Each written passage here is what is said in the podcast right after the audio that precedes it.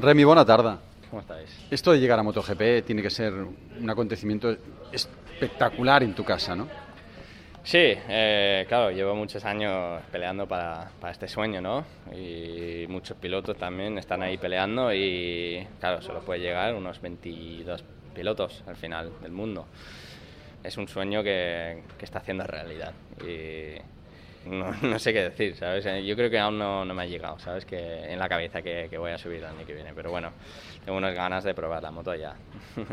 Para el hijo de un campeón del mundo de 500, ¿esta trayectoria consideras que ha sido más complicada o menos complicada que para otro tipo de piloto?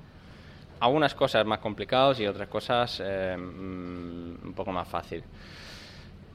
No tengo una respuesta fija para ti, ¿sabes? Porque al final, claro, eso ayuda cuando estoy muy joven, cuando estoy aprendiendo, que mi padre puede enseñar bastantes cosas. Pero luego llegas a un nivel que todo el mundo dice que solo está aquí por el padre y no sé qué, y muchas puertas también se cierran.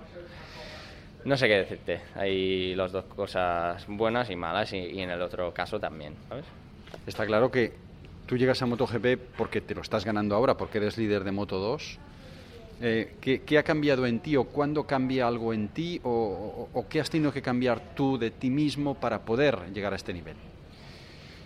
Yo creo que esto venía desde, desde el año 19, que ya tenía un Calex con, con un equipo bien, bueno, y, y ya ha podido hacer unos, unos buenos resultados.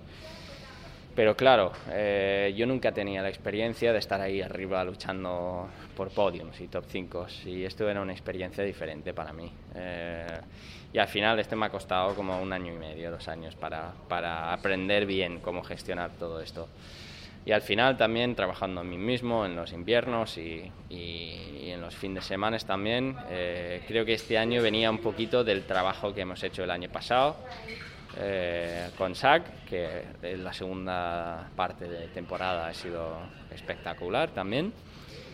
Y nada, eh, yo creo que he llevado estas buenas sensaciones a, a, al equipo de aquí y, y, con el equipo tanto profesional y, y, yo como piloto evolucionado hemos, hemos hecho un buen paso para adelante para este año.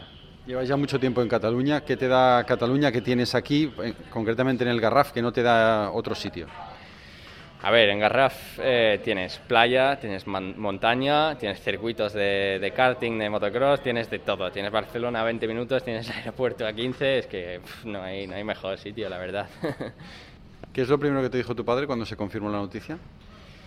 Eh, felicidades, eh, felicidades, que lo mereces, que llevas muchos años luchando y peleando para, para, llegar a tu sueño y por fin está, está pasando tu sueño y bueno, muchas felicidades de mi parte, de mi padre.